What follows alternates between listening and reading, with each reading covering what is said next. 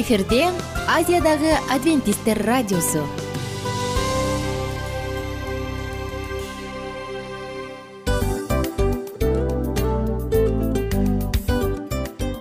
Достор салют.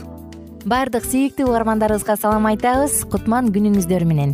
Ден соолук өмүрдүн булагы демекчи саламат саамы программасында баарыңыздарды көргөнүбүзгө абдан кубанычтабыз. Анда алгач амандашып өтөлү арбаңыздар деп. Ден соолугуңуздар кандай элибизде көбүнчө ден соолук кандай дегенде эле жакшы деп жооп беребиз э? ооруп турсак дагы жакшы дейбиз. Анан мен муну айтып ойлойт элем бул абдан сонун сөз депчи анткени бул жакшы деген үмүт да э баары жакшы болот. Баары сонун.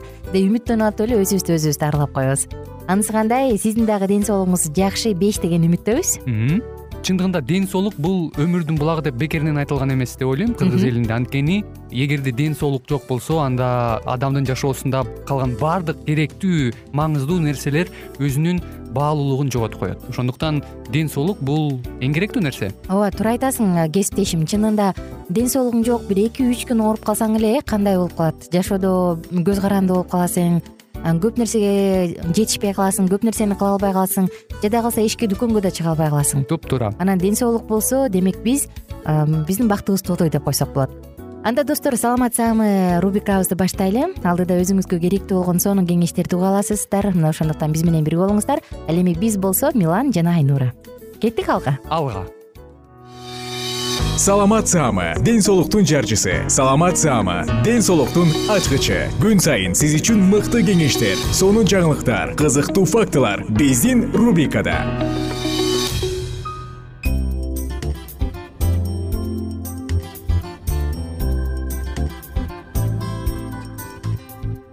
кутман күн достор. Баардык угармандарыбызга сагынычтуу салам айтабыз жана сиздер менен бирге кайрадан мен айнура. Бүгүн саламат саама рубрикасында безеткени дарылоо жөнүндө сөз кылабыз.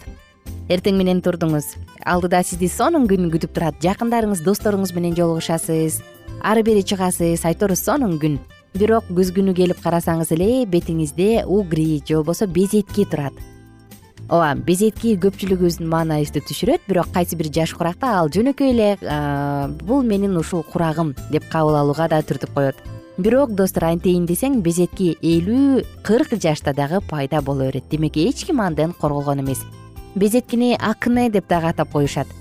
Демек достор анын өзүнүн медициналык дагы түрү бар. Бул жөнүндө алдыраак кененирээк сүйлөшөлү. Кайсы учурда безетки чыгат эмне себептен ал чыкпаш үчүн эмне кылса болот эң эле биринчи кезекте достор акне же болбосо майда ысыктардын себеби менен себебин түшүнүүдөн мурун келиңиздер алгач булар эмне? Жана кандай себептен улам улам чыга берет? Биринчи алгач карап алалы шаардын бузулган аба ырайы фаст фуддарды көп жеш жана башка факторлор дал ушул май бездерин көбүрөөк иштеп чыгышына түрткү берет дагы бетке көп нагрузка пайда кылат анан акырында отуруп отуруп акне бул канча жаш куракта болбо бирок ал баары бир чыга берчү оору болуп калат. Көбүнчө өспүрүм куракта билебиз э? Өспүрүм куракта а мында гормоналдык период болуп атат дейбиз дагы. Бетинде угри чыгып турса безетки чыгып турса аны жөнөкөй гана кабыл алабыз. Бирок бир кээде угри безетки бетке гана эмес денеге дагы чыккан учур болот. Мындай учурда гормоналдык перестройка болгондуктан организмде бул нормалдуу көрүнөт бирок достор безетки бир гана өспүрүмдөрдө эмес кыркка чыгып калган адамдарда дагы айымдарда дагы болот эмеспи. Эмне себептен? Айымдарда безеткилердин чыкканынын себеби бул менструалдык циклдын учуру болушу мүмкүн. Же болбосо кош бойлуу кезинде кайсы бир нерседен улам бетке чыгышы мүмкүн. Жана кээ бир адамдарда эндокриндик көйгөйлөр бар болгондуктан улам чыгат. Ал эмес достор кичинекей жаңы төрөлгөн ымыркайларда дагы акне бетинде чыгып калат бул демек аларда гормоналдуу бир өзгөрүүлүү болуп атканынан кабар берет. Ал эмес мунун өзүнүн медициналык дагы аты бар гормоналдык криз деп аталат. Ошондой эле кайсы бир препараттар жумуштун өзгөчөлүгү спецификасы дем алып жаткан аба булардын баардыгы тең безеткинин оорусун пайда кылышы мүмкүн. Негизи ысык деген медициналык термин бул жалпылап айтылат э анын көптөгөн түрлөрү бар. Мисалы камедон деген түрү бар. Камедонду баарыбыз билебиз. Муну өздүк баягы кадимки эле элдик тилде кара точкалар кара чекиттер деп коебуз. Бул без май пробкаларынын баардыгы тең жабылып калат дагы анын үстүндө сезгенүү пайда болот. Анан ал кара өңгө ээ болот. Бул кадимки эле комедон же болбосо кара чекиттер. Ошондой эле достор кандай дагы түрлөрү бар десеңиз пустула деген түр бар бул дагы ушул ысыктын прыщ деп коет эмеспи орус тилинде ысыктын бир түрү. Муну папуладан айырмалуу оорураак бирок ошентсе дагы пустула ак точкада болот ак түстөгү чекит болот дагы анан кызыл ысык деген түрү менен элге таанымал. Папула деген түр бар жогоруда бир аз айтып өткөндөй. Папула дагы бул кадимки эле ысык мында ал сезгенүүдөн пайда болот дагы кол менен тийгенде оорутат анан оорутуп жөн гана оорутуп койбостон кызгылт түстөн баштап көк түскө чейин жетет. Бетте болтоюп чыгып калат эмеспи дал ушул. Ошондой эле кийинки дагы ысыктын түрү бул кистоздук ысык. Бул болсо оор түрү. Мында адамдын бетин оорутат адамды сөөгүнө чейин оорутат керек болсо. Бул сөзсүз түрдө кандайдыр бир дарылоон системасын талап кылат. Тез өтүп кетүүчү прыщ деген бар э, ысык бар жөн эле тез өтүп кетүүчү деген атына алданбаш керек. Анткени бул сөзсүз түрдө медициналык кароону талап кылат. Сөзсүз доктурга барып анын эмне себептен болуп атканын билүү зарыл.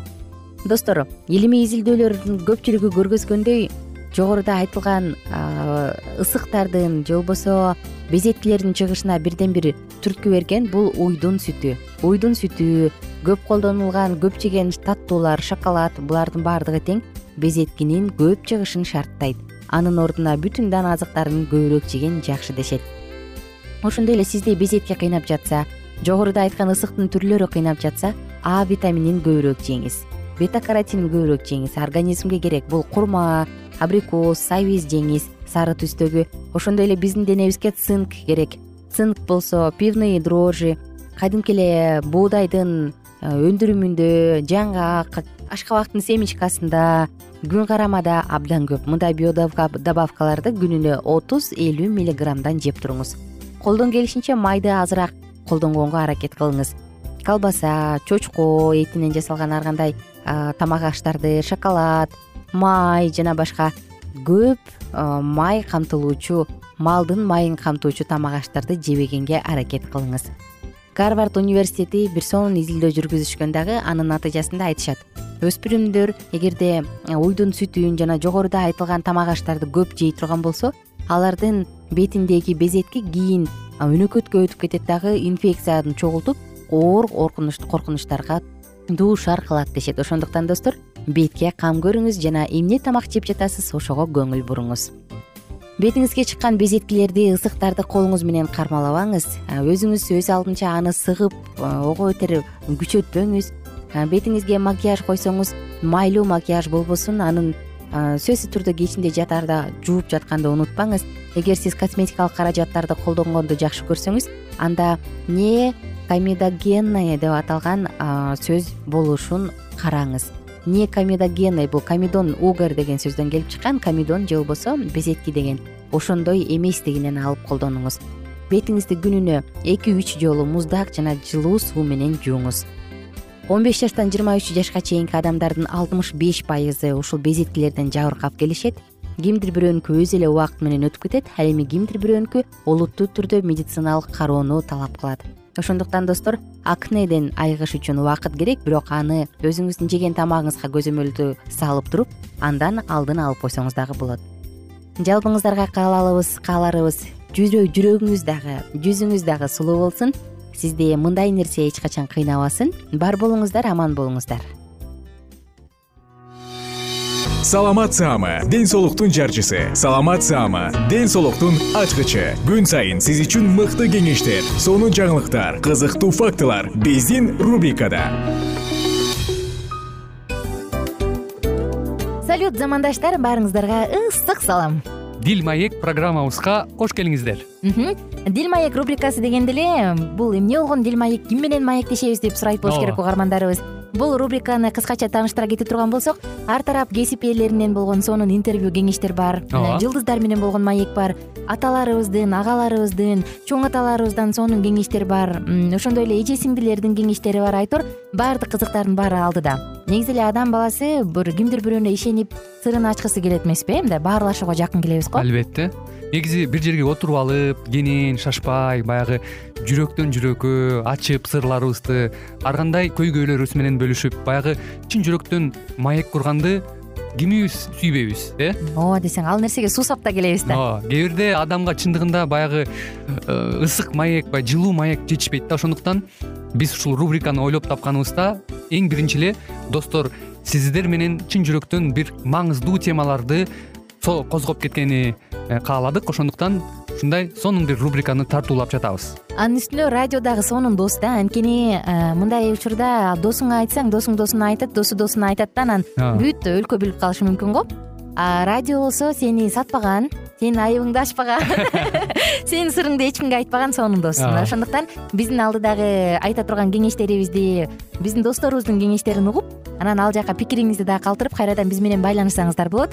Деги эле жашооңузга эгерде кичине болсо дагы өзгөрүү алып моралдык жактан нравовик жактан сонун бир кеңештерди алсаңыз демек биз максатыбызга жеттик. Ооба. Чыңгыз атабыз улуу жазуучу э, чыңгыз айтматов айткандай адам болуу бул күнүмдүк процесс экен. Күн сайын адам бойдон калуу бул адамзатка эң эле кыйын дейт э? э эң кыйын дейт. Чындыгында бунун э, негизинде адамдын эң баягы сапаттуулугу адамдын э, адамгерчилиги жана көптөгөн керектүү нерселер. Мына ошол темалар дагы бизде ушул дил маекте биз аларды да козгойбуз. Ден соолук жөнүндө да сүйлөшөбүз. Сөзсүз түрдө анан милан мырза негизи айтып коюшат го. Биз көбүнчө эмнени ойлонсок ошол нерсеге карата иш кылабыз го. Ооба. Анан анысы кандай? Балким бул радио баракчада кимдир бирөөнүн оюн текшергенге жардам берет кимдир бирөөнүн жүрөгүн текшергенге жардам берет. Балким кимдир бирөөгө жашоонун маңызын тапканга жардам берер. Айтор кызыктын баары алдыда бул жөн гана кыскача жарнама анда угармандарыбыздын баардыгын кийинки рубрикабызга чакырабыз. Ал эми кызматта маңдайымда отурган кесиптешим милан жана мен айнура. Анда эмесе биз даярдаган терең терең ойлор менен таанышууга кеттик. Алыс алыс баралык. Анда эмесе достор биз менен бирге болуңуздар. Алдыда эң кызыктуу маалыматтардын баардыгы бир нече мүнөттөр бою жалгыз гана сизге арналат мына ошондуктан жакшы маанай менен угууну каалайбыз. Үн алышканча. Жөнөдүк. Ар түрдүү ардактуу кесип ээлеринен алтын сөздөр жүрөк ачышкан сыр чачышкан сонун маек дил маек рубрикасында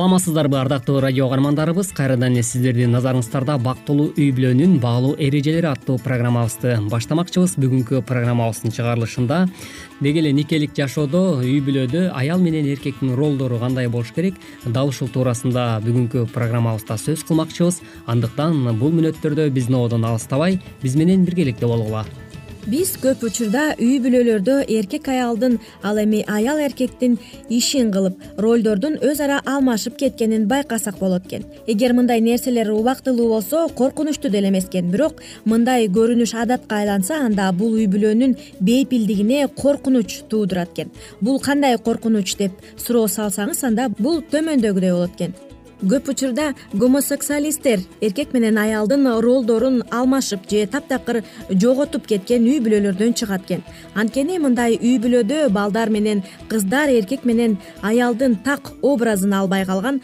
жана алардын ата энеси аларга үлгү ала турган идеалды түзө албай калышкандыгынан улам келип чыгат экен бул чын эле көйгөйлүү маселе болуп турат азыркы учурда сөзсүз түрдө жыйырма биринчи кылымдын шартында бүгүнкү учурда дагы биздин жашообузда ушундай коомчулукта көрүнүштөр кезигип жатканы албетте ар бирибизди тынчсыздандырат жана өкүндүрбөй койбойт десек дагы болот. Бүгүнкү учурда биздин э, мамлекетибизде деле мисалы кыргызстанда деле ушундай көрүнүштөр бар.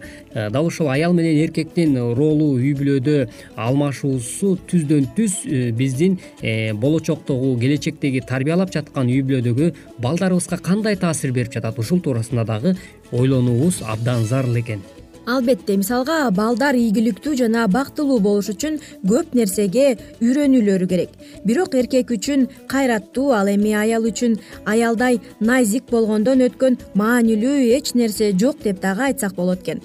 Аял баардык көйгөйлөрдү өзү чечкенге аракет кылуу менен өзүнө үй бүлөнүн башчысынын милдетин алып э, жолдошун басынтып жатканын түшүнбөйт экен көпчүлүк учурда сөзсүз түрдө ошол эле учурда мисалы үй бүлөдө эркек адам деле өзүнүн баягы кыла турчу милдетин унутуп коюп мисалы аялга өткөрүп бере турган болсо анда сөзсүз түрдө мындай э, көйгөй жаралышы толугу менен мүмкүн деп айтканга негиз бар. Себеп дегенде эгерде эркек адам чечкиндүүлүк менен ошол үй бүлөнүн башчысы катары өзүнүн милдетин так аткарбаса анда албетте аял э, киши анын ролун ойноп калышы мүмкүн. Ошондуктан эркек адам дагы өзүнүн ишин так аткарганга аракет кылууга милдеттүү деп айтсак эч убакта жаңылбайбыз. Албетте мындай учурда эркек каршы чыгып жубайына анын өз ордунун көрсөтөт экен бирок аял башчы болгонго өжөрлөнүп аракет кыла берет экен натыйжасында жолдошу пассивдүү жана эрксиз болуп калат экен кийин эң жөнөкөй нерселерге дагы жардам сурасаңыз жөн гана иинин кушуруп сага керекпи сен кыла бер деген дагы жоопту уга алат экенсиңер. Ошондуктан өзүнүкүнө жеткен жубайы көп өтпөй акылсыз иш кылганын жана өзүнө аялдарга таандык болбогон көтөрө алгыс жүктү жүктөп алганын дагы түшүнөт экен чындап эле бул турмушта мындай көрүнүштөр э, биздин жашообузда кездешпей койбойт эгерде эркек инсан өзүнүн милдетин аткара албай демек аялына оодарып койгондо учурлар болот эмеспи. Мындай э, кырдаалда сөзсүз түрдө көйгөйлөр жаралбай койбойт. Аны менен бирге аял дайыма күчтөп турган стресске кабылып ачуулуу жана тынчсызданган боло баштайт экен сөзсүз түрдө анткени аял заты бул назик жан болгондуктан э, эркектин милдетин толугу менен жүз пайыз алып кетүүгө эч убакта мүмкүн эмес. Эгерде жүз пайыз баардык жоопкерчиликти аял киши э, мисалы жолдошу бар адам жолдошунан аша чаап өзү эле баардык нерсени мен кылам мен туям мен билем дей бере турган болсо баардык жүктү ал алып кеткенге эч кандай физикалык жактан дагы анын даремети жетпейт десек дагы болот. Андыктан бул жаатта дагы сөзсүз түрдө аял киши өзүнүн ордун таап ал эми э, эркек дагы өзүнүн ордун туура аткара турган болсо анда э, үй бүлөдө дагы бир жакшы гармония түзүлөт деп айта кетмекчибиз.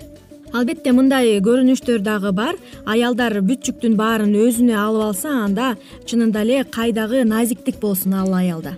Сөзсүз түрдө андыктан назиктикке умтулууну кааласаңыз ардактуу айымдар анда өзүңүздөрдүн ордуңуздарды биле жүргөнүңүздөр абдан жакшы экен эгерде жолдошу аракеч баңгизат колдонгон же э, оюнчу адам болсо анда учурда аял чын эле бүт нерсенин баарын мойнуна алат экен албетте эгерде эркек адам э, ошол үй бүлөдөгү өзүнүн милдетин толук аткарбаса үй бүлөсү үчүн кам көрбөсө көңүл бурбаса мисалы ал бир гана ошо өзүнүн жеке кызыкчылыгын көздөп эле э, кумар оюндарына берилип кете турган болсо анда аял кишини деле бул жаатта түшүнсө болот. Себеп дегенде ал дагы э, бул нерсеге жыргаганынан барган жок да. Ошол эле учурда ал бул көйгөйлөрдүн чечүү жолун баардыгын өз колуна алып ошол эркектин дагы жана аялдын дагы милдетин бирдей аткарган дагы э, айымдар арабызда кездешет эмеспи андыктан бул айымдарга дагы азамат деп айтсак дагы болот болуш керек. Бирок мындай нерсе э, бактылуу никенин уланышына же болбосо анын э, пайдубалынын бекем болушуна эч убакта түркөк болуп бере албайт экен. Андыктан ар бир нерсе өзүнүн орду жана мыйзам ченеми менен болгон менимче абдан жакшы болуш керек ошондой болсо да көпчүлүк аялдар өз кадырын кетирбей жашоосунда алдыга кете беришет экен мындай аялдарга бир жагынан бооруң ачса экинчи жагынан алардын күчүнө жана чыдамдуулугуна таң каласың. Биз таптакыр башкача болгондуктан бири бирибизди түшүнүү кыйын. Бирок абдан маанилүү жана реалдуу. Бизге аялдарга өзүбүздүн аялдык табиятыбызды түшүнүү зарыл өзүбүздү түшүнсөк эркектердин табияты жана дүйнөнү кабыл алуусу жагынан эмне үчүн аялдардын аябай айырмаланганын да баамдай алабыз. Эркектер аялдардан эмнени күтөт? Түшүнгөнгө аракет кылып көрөлү. Көп учурда эркектер өзүнө тийиштүү болгон үй жумуштарын жасоодо пассивдүү болгон же кайсы бир көйгөйлөрдү чечүүдө демилге көтөрбөгөн үчүн аялдар арызданышат экен мындай учурда күнөө аялдардын өз алдынчалыгында да болушу мүмкүн. Мисалы күйөөңүз сизге идиш жуушайын деди. Бирок жаман жууп койду. Анан сиз ыраазы болгондун ордуна мындай дешиңиз мүмкүн бар андан көрө өзүм кылганым жакшы. Эркектер биздин сыйлаганыбызга суктанганыбызга камкордугубузга жана мээримибизге муктаж экени шексиз.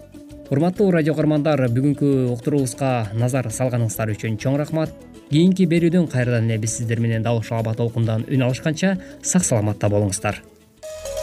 Ар түрдүү ардактуу кесип ээлеринен алтын сөздөр жүрөк ачышкан сыр чачышкан сонун маек дил маек рубрикасында.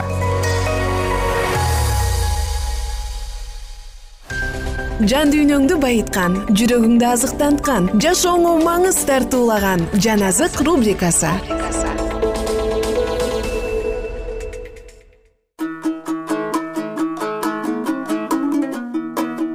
саламатсыздарбы ардактуу угармандар. Жалпы кыргыз элиме ысык салам айтам. Жана сиздер менен бирге улуу күрөш китебин бирге улантабыз.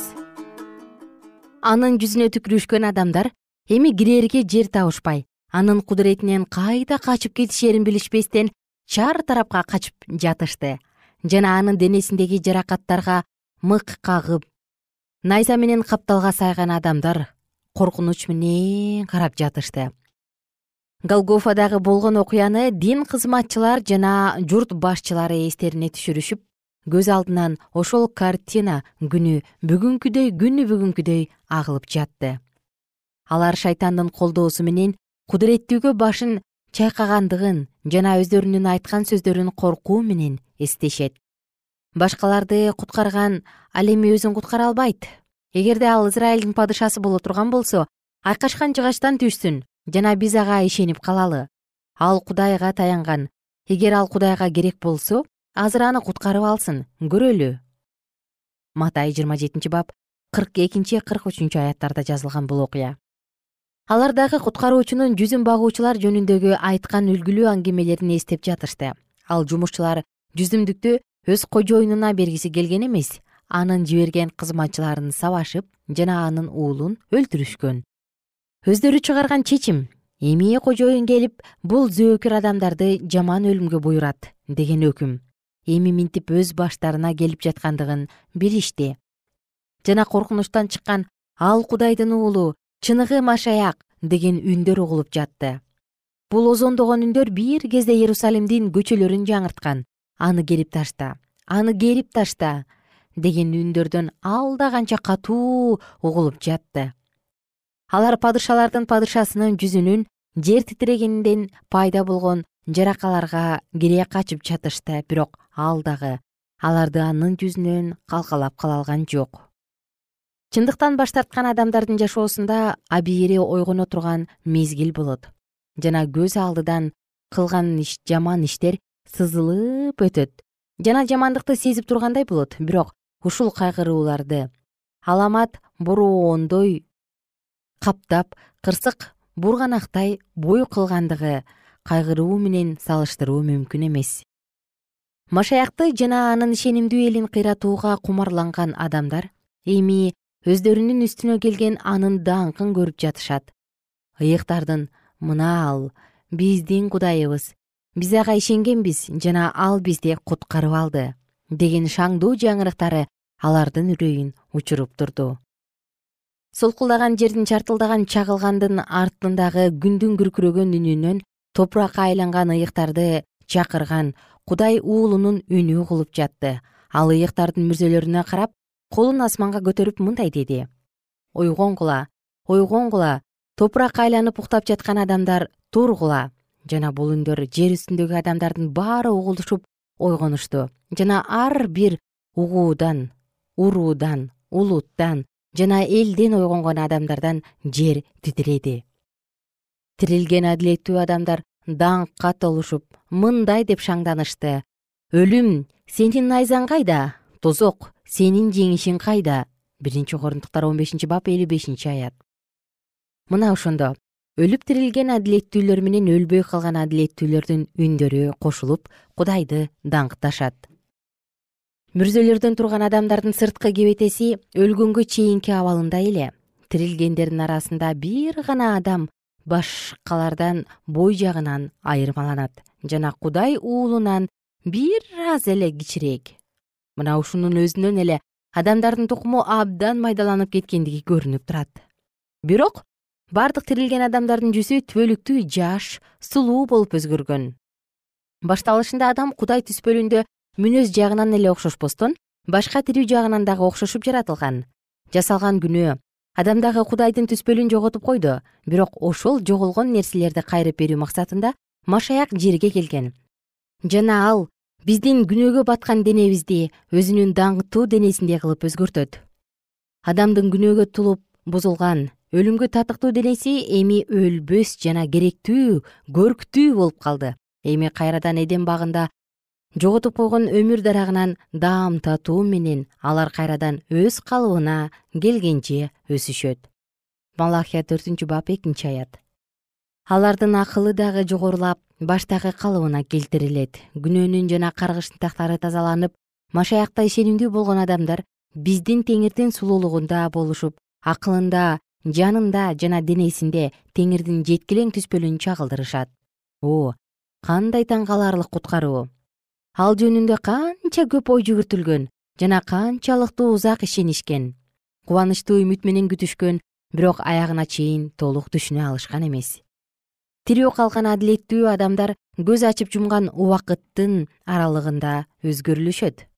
Алар кудайдын үнү угулгандан кийин даңкка бөлөнүшкөн. Эми болсо өлбөстүктүн кебин кийинишип теңирди абада тосуп алыш үчүн көтөрүлүшөт. Периштелер анын тандагандарын түгөрөктүн төрт бурчунан чогултушуп энелерге алардын өлгөн ымыркайларын колдоруна көтөрүп келишет. Бир кезде өлүм ажыратып калган достор эми эч качан ажырабаш үчүн жолугушат жана шаттануу менен бардыгы бирге кудайдын ыйык жайына көтөрүлүшөт. Булут арабалардын канаттары бар. Алардын буттары тирүү. Качан булут арабалар асманды көздөй сапар алганда алардын дөңгөлөктөрү ыйык дешсе канаттары дагы ыйык деп жатышты. Жана көп сандаган периштелер дагы ыйык ыйык ыйык ааламдын теңири деп үн жаңыртышты. Качан арабалар жаңы асмандагы иерусалимге жакындаганда куткарылган адамдар теңирге даңк болсун деп катуу үн жаңыртып жатышты. Кудайдын шаарына кирээрдин алдында куткаруучу өз жолдоочуларына жеңиштин урматы үчүн падышалык муратка татыктуу болгондугунун белгисин берип турду.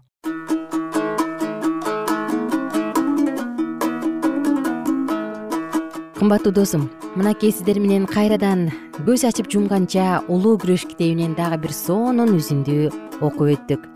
Менин сизге каалоорум акыркы күн келген учурда сиз дагы бактылуулардын арасында болуңуз сиз дагы жараткан сизди сүйүп күтүп тосуп алган элдердин арасында болуңуз.